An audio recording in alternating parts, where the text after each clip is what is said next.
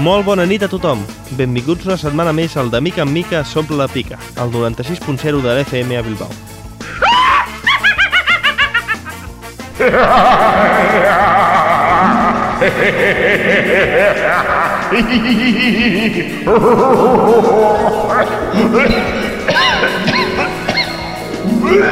Eh,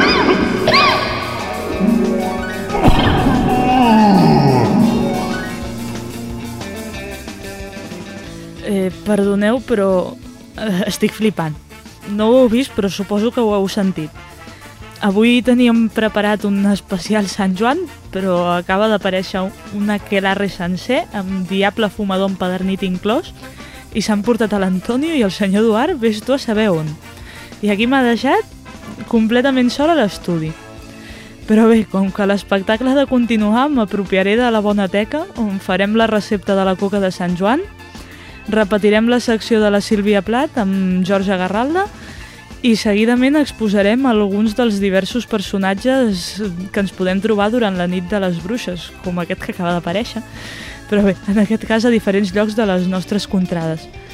Finalitzarem el programa amb una miqueta de música per començar a posar-nos en situació de rebella.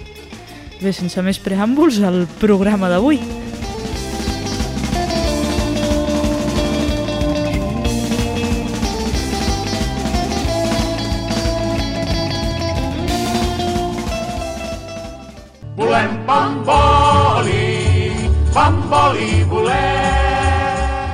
La bona teca amb la senyoreta Albae. bamboli volem, volem bamboli, bamboli volem. Si no ens el donen, si no ens el donen, ens el prendrem. Bé, doncs, com ja he dit, eh, aquesta setmana m'han abandonat i, per tant, he decidit fer jo la secció de l'Edu.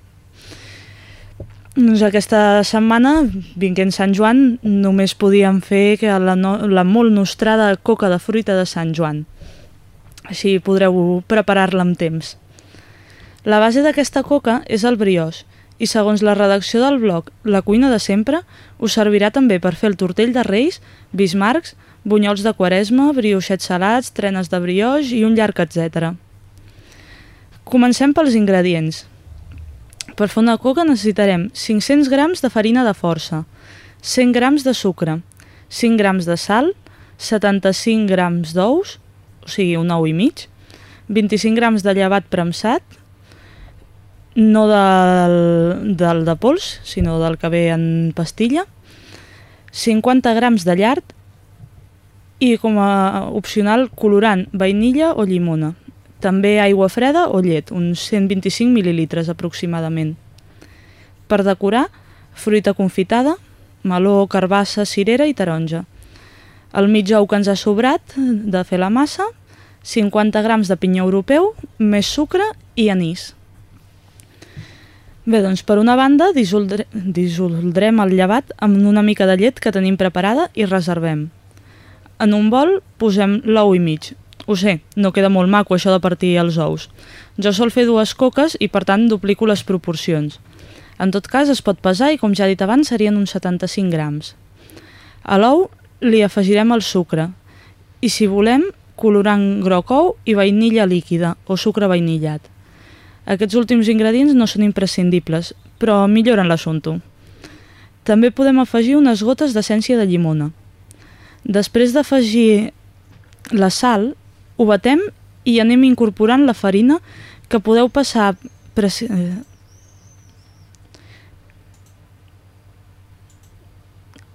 que podeu passar prèviament per un sedàs o un colador. Aquest pas es fa perquè quedi més esponjosa l'elaboració i hi hagi menys probabilitats que faci grumolls. Abans de posar-nos a amassar, hi haurem d'afegir el llard, que podeu trobar a qualsevol carnisseria. En cas de no voler o no poder utilitzar aquest producte, es pot substituir per mantega empomada. Per aconseguir la mantega empomada, agafeu la, la mantega normal, la talleu en trossos més petits i amb les mans l'aneu apretant i mica en mica juntant els trossos fins que quedi de textura com una pomada espessa. Ara que ja hem començat a amassar, hi anirem afegint la llet amb llevat i després la resta de la llet. Us recomano que ho feu per separat perquè depenent de la farina i els ous que utilitzeu, la massa us demanarà més o menys líquid. Si quan heu acabat d'afegir tota la llet veieu que la massa està massa seca, i n'hi afegiu una miqueta més. Si veieu que abans d'acabar-la ja està molt xopa, no n'hi afegiu més. Un cop amassada, en farem una bola, l'untem d'oli i deixem reposar 10 minutets perquè perdi el nervi. No us ha passat mai que al passar el corró la massa torni enrere? Doncs la solució és tan fàcil com deixar-la descansar una mica i tornar al cap d'una estona. Ara que ja tenim la massa feta i descansada, l'estirarem amb el corró, intentant obtenir una forma ovalada. També us podeu ajudar amb les mans. Ara sí que ja ha arribat el moment de posar la massa a la safata del forn. I per fi, també, el de decorar la nostra coca. Apreteu ben fort les fruites, incrusteu-les contra la massa, que si no, quan aquesta fermenti, aniran saltant. Per fermentar, ha d'estar en un lloc sense corrent d'aire i deixar que tripliqui l'alçada, que el mes de juny i a Catalunya solen ser unes dues o tres hores. A l'hivern se'n necessiten més. Però si teniu una mica més de pressa, podeu convertir el forn de casa en una fermentadora posant-lo a escalfar a la temperatura més baixa que us permeti la màquina només per la part de baix i posant entre el terra del forn i la safata de la coca una safata fonda amb un parell de dits d'aigua. Ja fermentada la massa, podem pintar amb l'ou només les parts on no hi ha fruita. Que si us despisteu i pinteu la fruita tampoc passa res, però millor si no ho feu. Pintada la coca, tirarem una bona quantitat de pinyons europeus, que sí, que són cars, però un dia és un dia, tu. Us he dit que han de ser europeus? No és una qüestió de racisme, de veritat. Els pinyons asiàtics tenen moltíssim menys sabor que els de la nostra terra. Per distingir-lo, el pinyó asiàtic és xato i té una pell marró més fosca a la punta, mentre que l'europeu és allargat i no té la pell en qüestió. I per finalitzar, sucre, sucre i més sucre cobrint la fruita, els pinyons i el tros de massa que encara es vegi. Mentre pintàvem i empinyonàvem i ensucràvem la coca, hem posat a preescalfar el forn a 180-200 graus. Enfornem i coem uns 12-15 minuts. Com a toc final, just al treure la coca del forn, la mullarem amb anís dolç, amb l'ajuda d'un vaporitzador. Un flix-flix o un fufú, com l'anomeneu a casa vostra. No us preocupeu que s'evapora. No us deixarà la coca to tota tova. També el, aquest anís li dona un brillo i un saboret i un toc d'olor que de seguida ens farà reconèixer que és Sant Joan. Doncs bé, fins aquí la recepta d'avui i us deixo amb una cançó de Sisa interpretada per Dagoll de Gom, La Coca.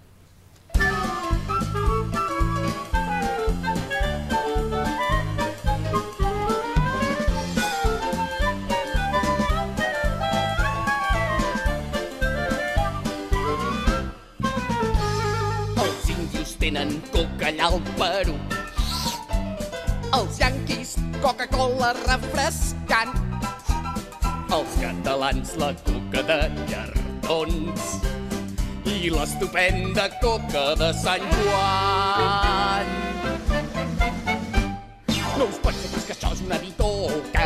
Molena de vermella és una coca. El personal se't volen de la boca. Del més espavilat, el més tanaca. Deu ser la confitura que els provoca.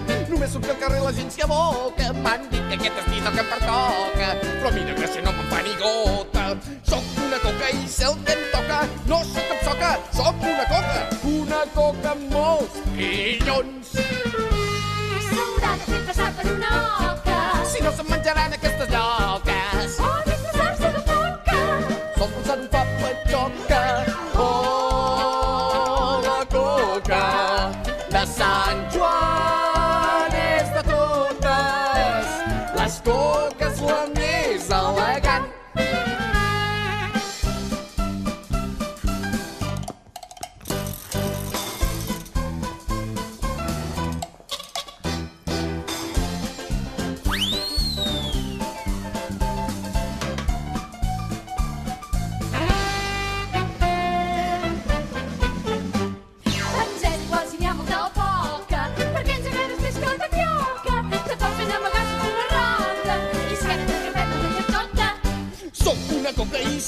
toca, no sóc cap soca, sóc una coca, una coca molt perillona.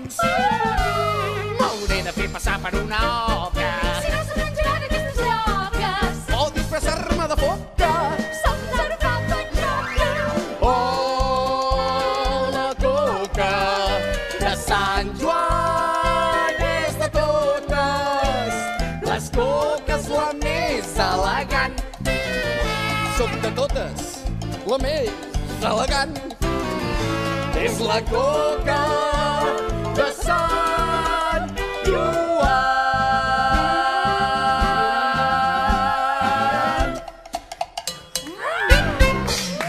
De mica en mica zonpla la pika, argi eta katalanez hitz egiteko saioa Bilbo iria irratian.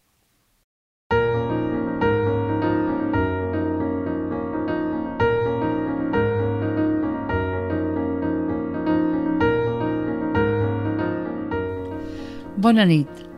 Amb un poema de Sílvia Plat engeguem de nou el racó de les lletres d'aquest dissabte. Fa així. L'aspirant.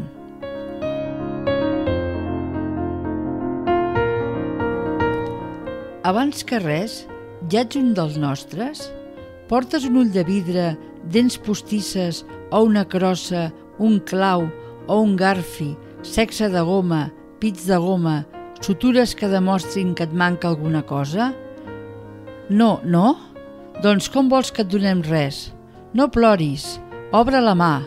Buida? Ben buida. Heus aquí una mà per omplir-la matent, a servir el te i esvergir migranyes i fer tot el que li manis. T'hi vols casar? Té garantia. Et tancarà els ulls quan t'arribi a la fi i et fondrà de dolor. De la sal en farem nova lleva. Però veig que vas a pèl. Què me'n dius d'aquest vestit? Encartonat i negre, però t'escau. T'hi vols casar? És impermeable, irrompible, a prova de foc i de bombes que travessen la teulada. Creu-me, t'hi enterraran. Ara, i dispensa'm, no tens res al cap. També t'hi puc posar remei. Vine, preciositat, surt de l'armari. Bé, què me'n dius d'això? Nua com una pàgina per encetar. Però d'aquí a 25 anys serà de plata, d'aquí a 50 d'or. Una nina de carn i ossos per on la miris. Sap sorgir, sap cuinar, sap parlar, parlar, parlar. Funciona sense tares. Tens un forat, és un emplastre. Tens un ull, és una imatge. Bé, noi, és l'última oportunitat. T'hi vols casar, casar, casar?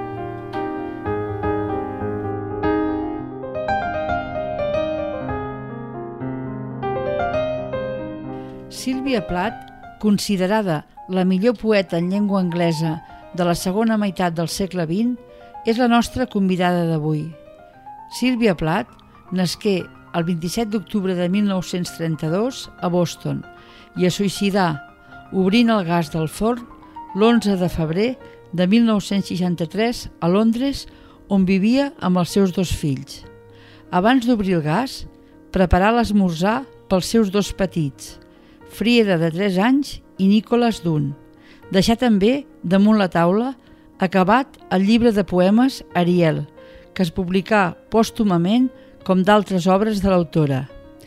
Era un febrer molt fred, on Sílvia Plat no tenia diners, patia una depressió i el seu marit, el conegut poeta Ted Hughes, l'havia deixada per la seva amant, la també poeta Aisia Bevil.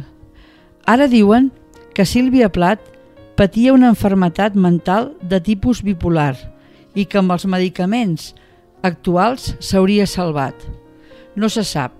En aquell moment estava immersa en una dura psicoanàlisi que li havia fet reviure la relació d'amor-odi que tenia amb la seva mare i en una gran depressió arran de la seva separació de Ted Hughes.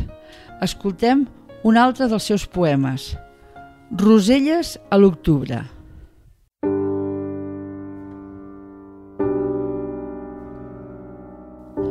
Els núvols més clars no saben què fer aquest matí amb faldilles semblants, ni la dona dins l'ambulància amb el cor que es bada a través de l'abric prodigiosament. Un do, un do d'amor mai no sol·licitat per cap cel, pàl·lid i flamejant, que crema el seu monòxid de carboni per ulls esmortits fins a parar-se de cop sota els bombins. Oh, Déu meu, qui sóc jo? Per què aquestes boques tardanes s'obrin en un crit, dins un bosc de gebre, dins un alba de blauets?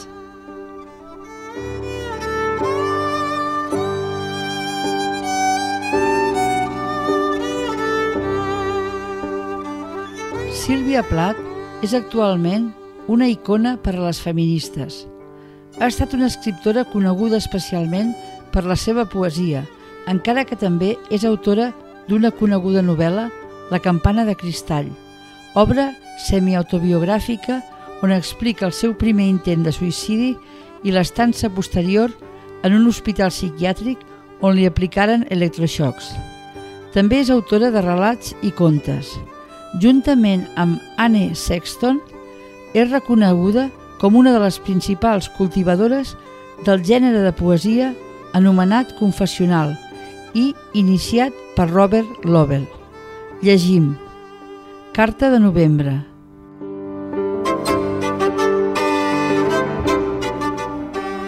Carta al novembre. Amor. El món de sobte canvia, canvia de color. La llum del carrer s'esberla entre les tabelles del labur com cues de rata a les 9 del matí. És l'Àrtic, aquest petit cercle negre amb herbes coltades de seda, cabells d'infants. Hi ha una verdor en l'aire suau, delectable. M'acotxa amorosament. Ruborosa i càlida, penso que potser sóc enorme. Soc tan estúpidament feliç amb les botes d'aigua que xipollegen i xipollegen pel roig preciós. Aquesta és la meva propietat. Dos cops al dia m'hi passejo tot flairant el bàrbar boixgrèvol de verdíssims fistons, ferro pur i la paret de vells cadàvers. Me'ls estimo, me'ls estimo com la història. Les pomes són daurades, t'ho imagines?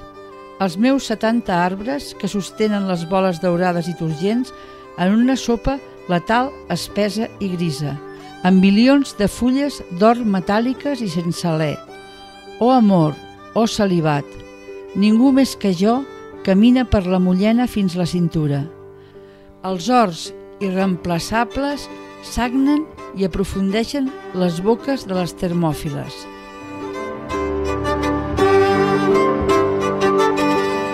Sylvia Plath nasqué en el barri Jamaica Plain de Boston, Massachusetts, i ja des de petita demostrà un gran talent en publicar el seu primer poema amb 8 anys.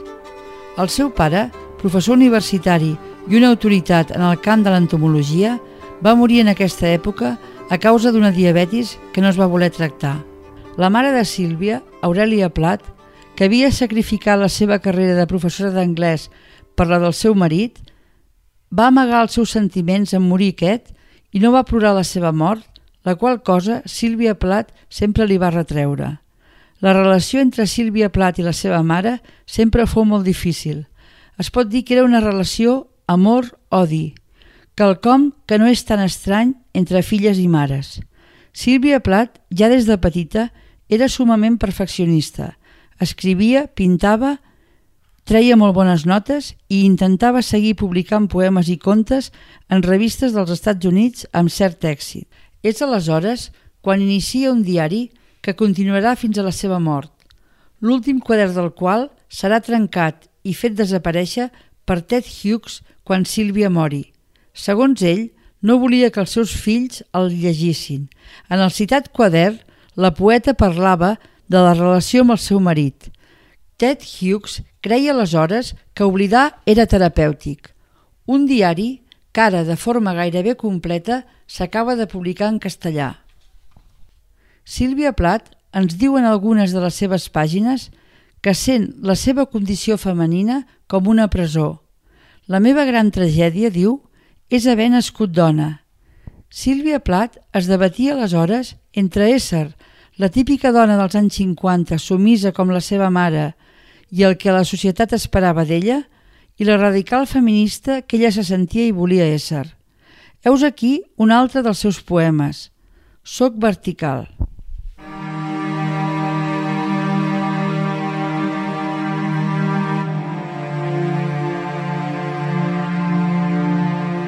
Sóc vertical. Però m'estimaria més ser horitzontal. No sóc cap arbre amb les arrels dins la terra, xuclant minerals i amor matern, perquè cada març esponerosa brosti, ni tinc la bellesa d'un jardí en flors que faci que m'emplenin d'os i espectacularment em pintin ignorant que aviat m'esfollaré. Comparat amb mi, un arbre és immortal i una tija en flor no és alta però és més vistosa i d'una en voldria la longevitat i la gosadia de l'altra. Aquesta nit, a la llum infinitesimal de les estrelles, els arbres i les flors han estat escampant la seva fresca olor. Em passejo entre ells, però cap no se n'adona. De vegades penso que quan dormo dec assemblar-m'hi a la perfecció, els pensaments abaltits. Per a mi és més natural ajaguda. Aleshores el cel i jo conversem obertament i seré útil quan definitivament m'ajegui. Llavors els arbres sí que podran tocar-me i les flors tindran temps per a mi.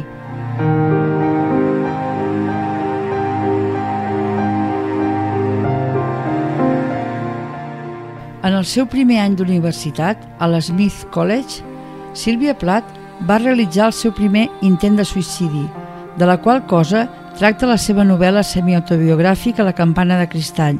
Sílvia fou tractada en una institució psiquiàtrica amb electroxocs. Malgrat tot, aconseguí graduar-se amb honors l'any 1955. Seguidament, Sílvia Plath obté també una beca Fulbright gràcies a la qual assisteix a classes a la Universitat de Cambridge a Anglaterra, des d'on continua escrivint poesia i relats que tracta de publicar. En el seu diari, durant la seva etapa universitària, es mostra molt preocupada per trobar una parella dient prova i prova, surt amb molts amics fins que coneix el poeta Ted Hughes en el que ella veu un representant del seu ideal de parella i amb el que es casa. Llegim un altre poema de l'autora, La rival.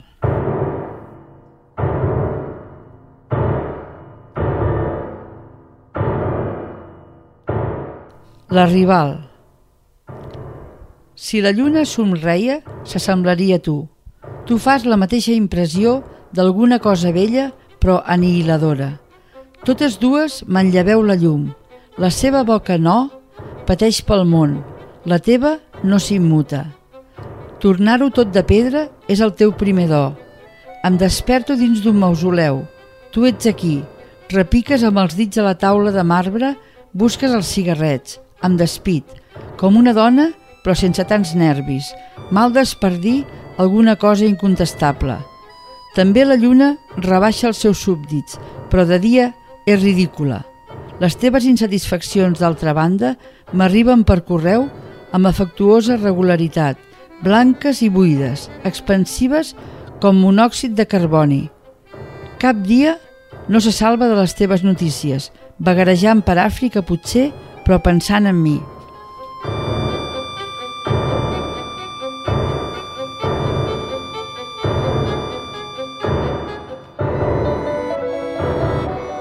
En morir Sílvia Plath, Ted Hughes es convertí en l'editor del llegat personal i literari de la poetesa i publicar els seus manuscrits.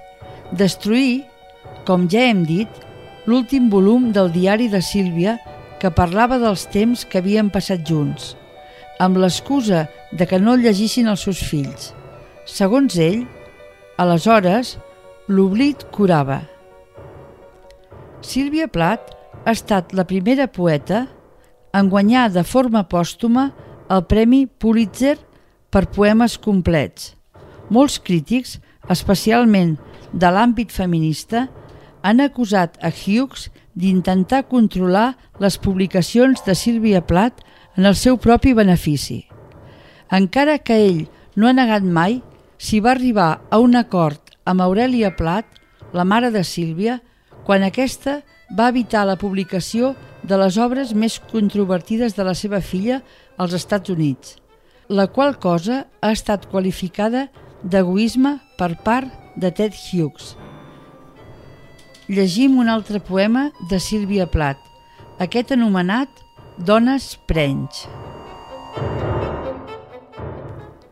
Irrefutables, contentes amb si mateixes, com Venus, dalt del pedestal d'una petxina, emborcallades amb cabells rossos i la sal de l'escuma del mar dins la brisa. Aquestes dones s'hi troben bé dins els seus vestits folgats, sobre cada panxa pesant una cara i flota tranquil·la com la lluna o un núvol. Somrient-se a si mateixes, mediten devotament com un bulb holandès que conforma els seus vins pètals. La fosca encara bressola el seu secret. A la muntanya verda, sota els arços, estan atentes que comenci el mil·lenni, el batec del petit cor nou. Infants de cuixes rosades les atenen. Capdellen llana, sense fer res especial. Es mouen entre els arquetips.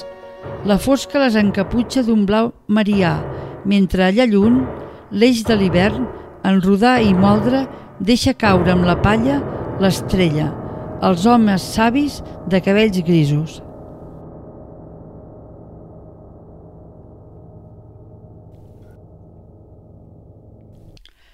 Els primers poemes de Sílvia Plat foren recopilats i publicats en el seu primer llibre anomenat El Colosso, quan ella encara era viva, i fou ben rebut per la crítica que l'ha descrit sovint com a convencional i mancat de drama si es compara amb les seves obres posteriors. Tot i la influència de Ted Hughes en Sílvia Plath, les obres d'aquesta poetesa són genuïnes i la similitud entre amb dos poetes és mínima. En el poema Tres dones, narrat a la BBC, Sílvia dona una nova visió de la seva poesia. A partir d'aquest moment, concebeix els poemes per ésser llegits en veu alta, plantejant els poemes de manera feminista i antibalicista, que tracta la maternitat des del punt de vista de tres dones. Es tracta d'un dels seus últims escrits, junt amb el recull de poemes Ariel, que deixà acabat damunt la taula abans de suïcidar-se. Els poemes d'Ariel marquen un punt d'inflexió dins les seves primeres obres cap a una poesia molt més confessional. L'impacte de la publicació d'Ariel fou molt dramàtica, amb descripcions reals de la davallada a la bogeria. Heus aquí un altre poema. A la claror d'una espelma.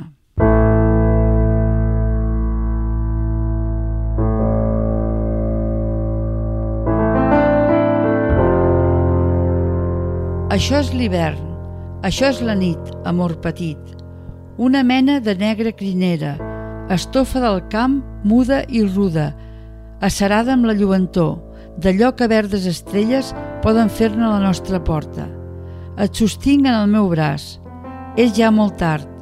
Sordes campanes branden les hores. El mirall em fa surar amb la força d'una espelma. Aquest és el fluid on ens trobem l'un a l'altre, aquest halo de resplendor que sembla que respiri i deixa les nostres ombres mosteir-se, sols per rebufar-les. Altre cop enormes, gegants violents a la paret. Raspar un llumí et fa real. Primer l'espelma no vol pas florir. Ensuma el ble fins a gairebé res, a un trist punt blau. Retinc l'alè fins que d'un cruixit revius, bola d'erissó, menut i enfurit. El groc ganivet creix alt. T'arrapes els barrots. El meu cant et fa bramar. Et gronxo com un bot, damunt l'estora índia, al terra fred, mentre l'home de llautó s'agenolla inclinant-se tant com pot i alça el seu pilar blanc amb la llum que manté el cel a ratlla, el sac de negró. És per arreu clos, clos. És ben teu, el teu petit atles insolent. Pobra herència, tot el que tens, els teus talons, una pila de cinc bales de llautó, ni fill ni dona, cinc bales, cinc bales lluentes de llautó, per jugar-hi amor quan el cel s'esmicoli.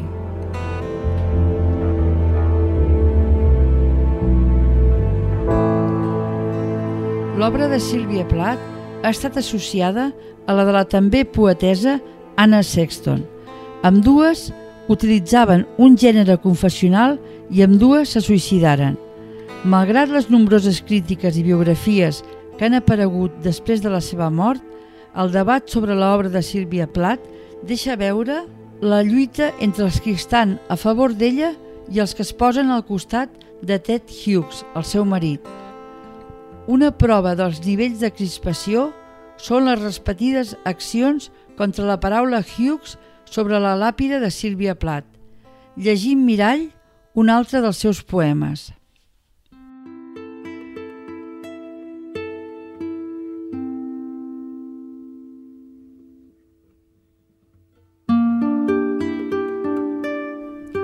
Mirall.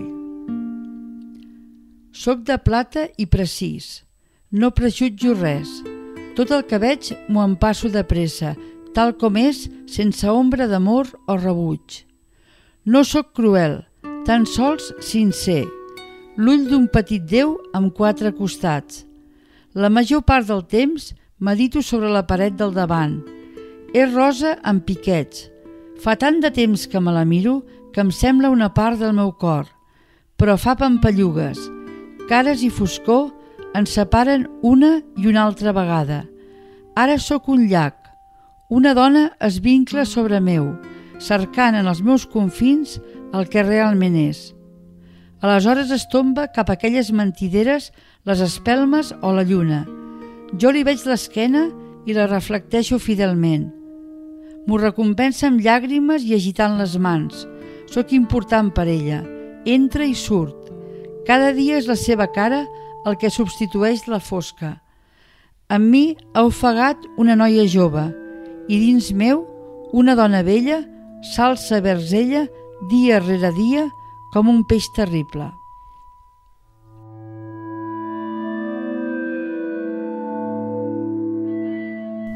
La publicació gairebé completa, excloent els exemplars destruïts per Ted Hughes dels diaris de Sílvia Plath després de la mort del seu marit, han servit per clarificar moltes especulacions i per diri dirigir l'interès del lector cap a una comprensió més profunda del mètode i la sensibilitat del geni creatiu d'aquesta poetesa. En català, els seus poemes han estat traduïts per la també poetesa Montserrat Avelló i publicats sota el nom Soc Vertical. Acabem el racó de les lletres d'avui amb un altre dels poemes de la poetesa. Paraules.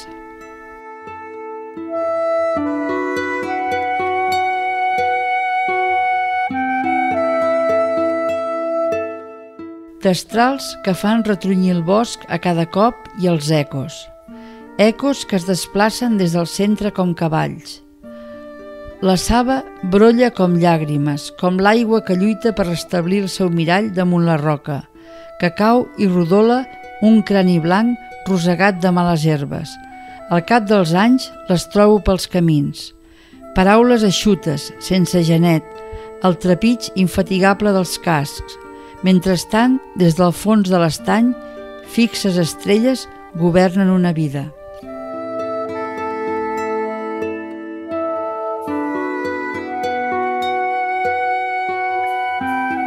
Per avui res més. Tornarem més endavant amb més poetes i poemes. Bona nit i salut.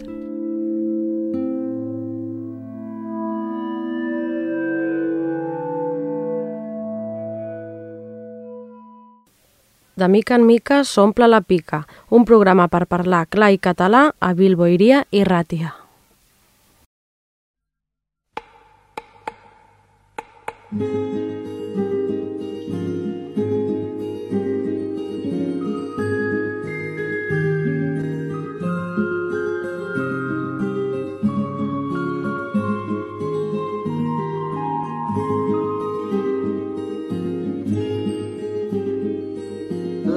de Sant Joan és nit d'alegria.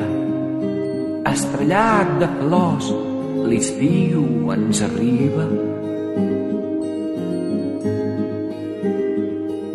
De mans d'un follet que li fa de guia. Primavera mor, l'hivern es retira. Si arribés l'amor, mai més moriria.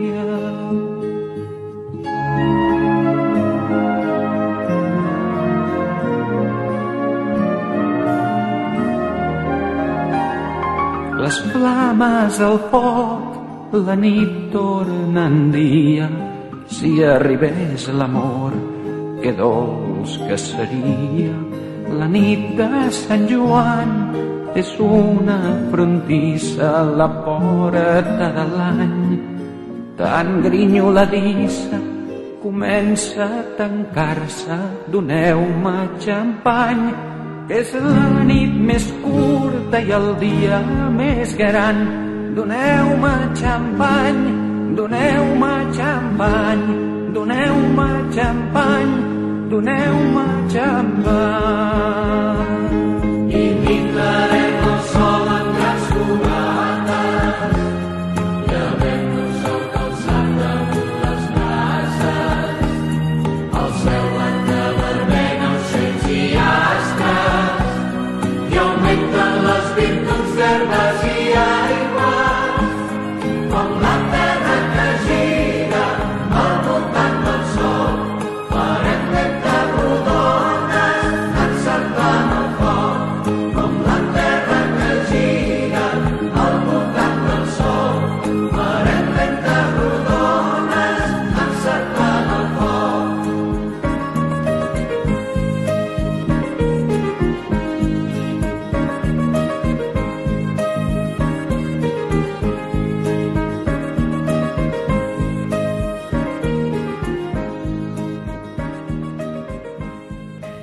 Hem escoltat la cançó La nit de Sant Joan del musical amb el mateix nom.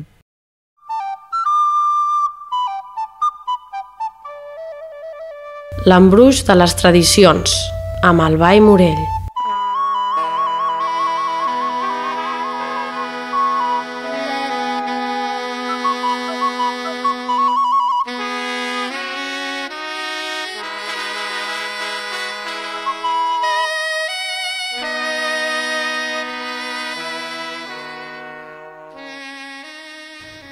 Com no podia ser d'altra manera, avui parlarem de la nit de bruixes, anomenada així perquè és la nit que més distanciada està de la nit de Nadal. Com vam dir l'any passat, el solstici realment no és la nit del 23, sinó la del 21. Així que ja sabeu, si voleu anar a buscar plantes per preparar remeis o simplement per fer una bona ratafia, sense perdre-us la festa, òbviament, la nit del 21 és la vostra nit. Però, per favor, porteu lot si aneu per la muntanya de nit, que tan perillós com el foc poden ser els certs i esperits que circulen pel bosc en una nit com aquesta. I és que és sabut que les nits dels solsticis, les dels equinocis i les que hi ha al mig, són nits en què el vel dels mons dels vius, dels morts i, en definitiva, dels diferents plans de l'existència és tan fi que es pot traspassar d'un a l'altre. Es diu que és la nit preferida perquè apareguin personatges com ara Cucales, l'ànima del cantiret, la Faram, la mala bèstia, la mar major, Nitus i Gambutzins.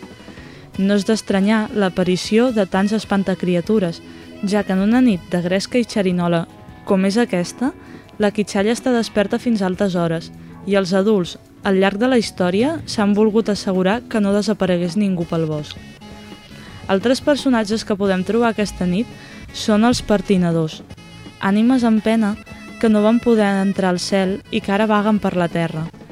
Com que, eh, com dèiem, aquesta nit el tel és més fi, tindríem l'oportunitat de veure-les. Seran, com diu la física quàntica, persones reals d'altres realitats alternatives o simplement que a partir de cert nivell d'alcohol i altres estupefaents hi ha qui sembla un ànima en pena. Potser sou afortunats i en compte de, veure els partinadors us trobeu amb els joanets, que són manifestacions lumíniques com boletes de focs d'esperits. En aquest cas, si els seguiu, potser trobareu el tresor que guarden gelosament. Però aneu en compte, que tenen tendència a pessigar, mossegar i cremar pel, per tal de protegir el seu tresor. Serà, que, serà el que dirien els fadrins i les fadrines a les seves mares després d'una fogosa nit de Sant Joan? Que havien estat perseguint joanets? Precisament es creu que aquesta nit també s'hi passeja la Moreta, que va disparant a la gent amb arc i fletxes per enamorar-los. A part del Cupidó a la catalana, també circula per la festa la Dama Fortuna, cavalgant sobre una roda o un carro alat. Qui la vegi tindrà la sort assegurada per tot el que li resti de vida. També aquesta nit, els arbres s'afegeixen al complot de la Moreta i de la Dama Fortuna, alliberant un tipus de pols molt especial, la pols que fa casa. Però haureu de vigilar que no us caigui la pols que pertoca qualsevol altre gènere, perquè llavors tindreu el casament més desventurat que se li pugui desitjar un enemic. Vigileu no punxar-vos amb el boix grèvol, quan aneu a recollir les plantes pel bosc, ja que es diu que el diable se serveix d'aquest arbust per punxar el braç dels qui es donen a ell per tal de firmar el pacte fet amb ell amb sang. Si esteu per Martinet, a la Cerdanya, que sapigueu que allà el diable hi va perdre el barret que li servia per trobar les riqueses de la terra i les ànimes que té amagades. Si el trobéssiu, posseireu la clau per descobrir i trobar els immensos tresors que hi ha sota terra, ja que tots els metalls de sota terra són propietat del dimoni, que n'està gelós i dificulta la seva recerca. La nit de Sant Joan, però, està enfeinat perquè assisteix a les assemblees de bruixes que es fan arreu i es pot aprofitar per desenterrar-los. Si en canvi pareu per Banyoles, al Pla de l'Estany, es diu que si al punt de la mitjanit de Sant Joan es va la cruïlla que forma el camí real de Figueres amb un altre camí termental de ferradura, surt un senyoràs que per uns és un, el mal esperit i per d'altres és el dimoni, el qual li explica a tothom que li ho pregunta allò que li passarà fins al dia de la mort. Com que sempre prediu fins esgarrifosos, la gent repugna d'anar-hi. Es parla de diverses persones que ho han provat, i a totes ha predit el futur fil per randa. A l'era enfonsada, una falla geològica que es troba a prop de Riells, un grup de ballaires que una tarda de festa hi feien ball no van aturar la dansa al veure el pas de combregar. Per tal sacrilegi, foren condemnats a ballar tota la vida sota mateix de l'era, que tot d'una es van ensorrar. La nit de Sant Joan, si se l'escolta bé, se sent encara el clam de les balladores que canten. Cansada estic cansada, cansada estic de ballar, cansada estic cansada, fins que el món finirà. Entre els mots de la copla se sent la remor de la dansa i el so del flaviol. Són els balladors empadernits que continuen el seu ball interminable. També condemnat eternament, el caçador negre o gran caçador passa per les terres catalanes cada nit de Sant Joan. El díduns, només un cop cada set anys. Seguit pel seu seguici ancestral, format per gossos i dimonis. I encara també hi ha qui diu que ha sentit l'esgarrip dels seus gossos entre la xiuladissa del vent d'hivern.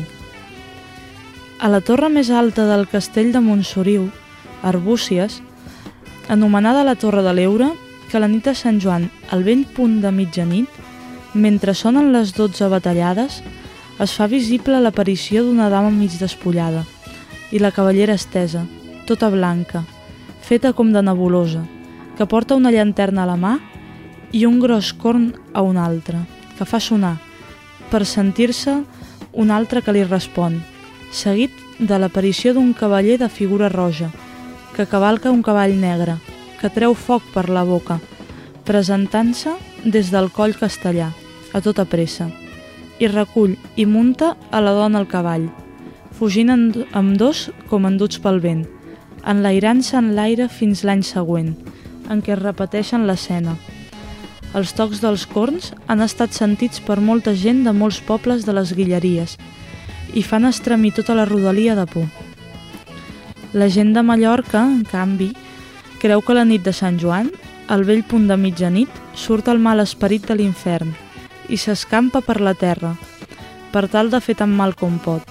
Cal, doncs, està durant les dotze campanades a resguard sota taulada. Així hom no pot estar a les fogueres i menys encara en despoblat. Probablement una campanya de l'Església per no...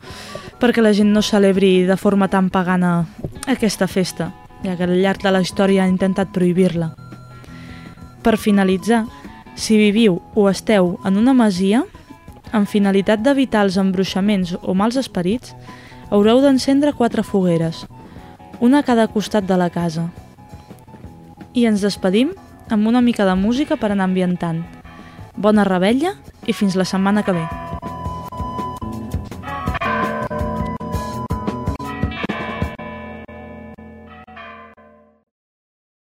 Continuem amb més música de Sant Joan. En aquesta ocasió, la nostra gent d'Every Night.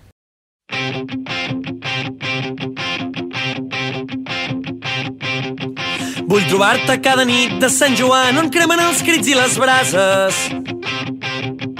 Portant un vell mocador lligat al coll mentre repiquen les campanes.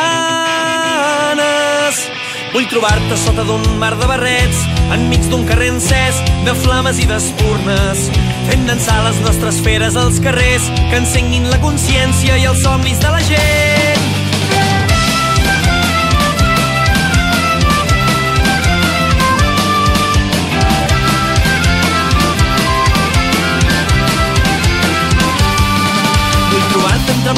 Bancartes i balcons omplint les places de paraules. Just abans que surti el primer sol de maig a punt per fer esclatar l'albada.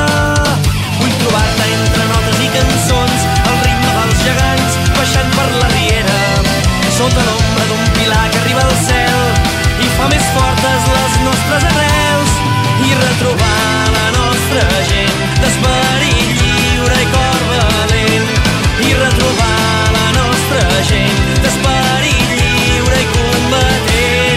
i retrobar la nostra gent teixint la lluita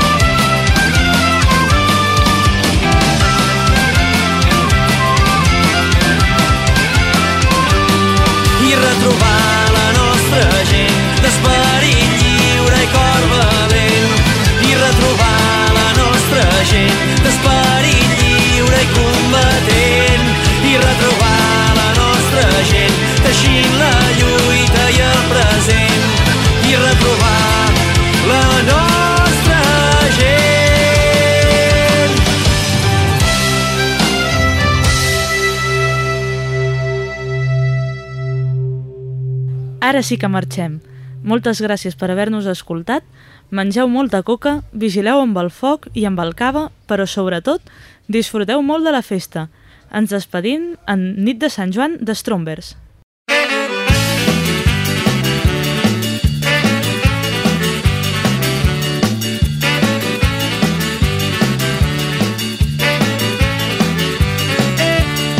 Va haver una festa com hi havia els estrombers tocant en un poble de gent de puta mare.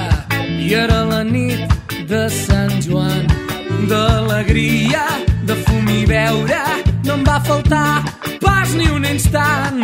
I ben d'hora, ritme de rumba, un ja es va anar despullant. I els nois i noies d'ulls vermells i de boca ampla no paraven de ballar ellos estaban de tridad.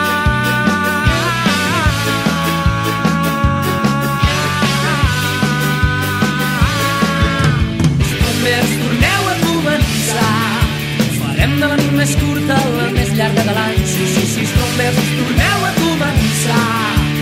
Tots sumant, cantant, bevent, ballant, visca la nit de Sant Joan.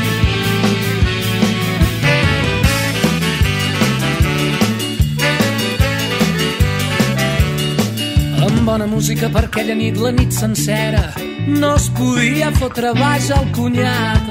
Ara un rock, ara una rumba i ara un reggae i un ska. Ara un vals, una ranxera, un moment i un xa-xa-xa. I es anava fotent de dia i en Jack que no apareixia. La nit de Sant Joan és nit d'alegria.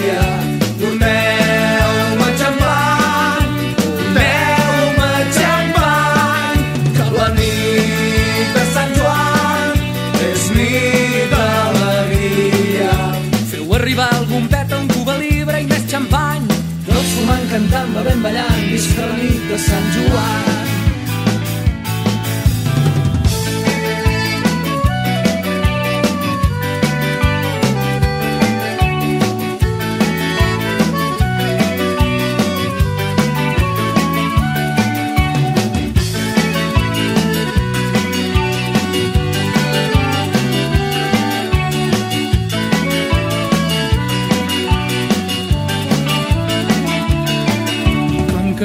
Havia prou, una lluita teatral al mig del jardí. I preciosa aquella nit, quan ja no era nit, un saxo de seda feia que el sol no ens cremés. I els nois i noies d'ulls vermells i de boca ampla no paraven de ballar. I no s'estaven de cridar.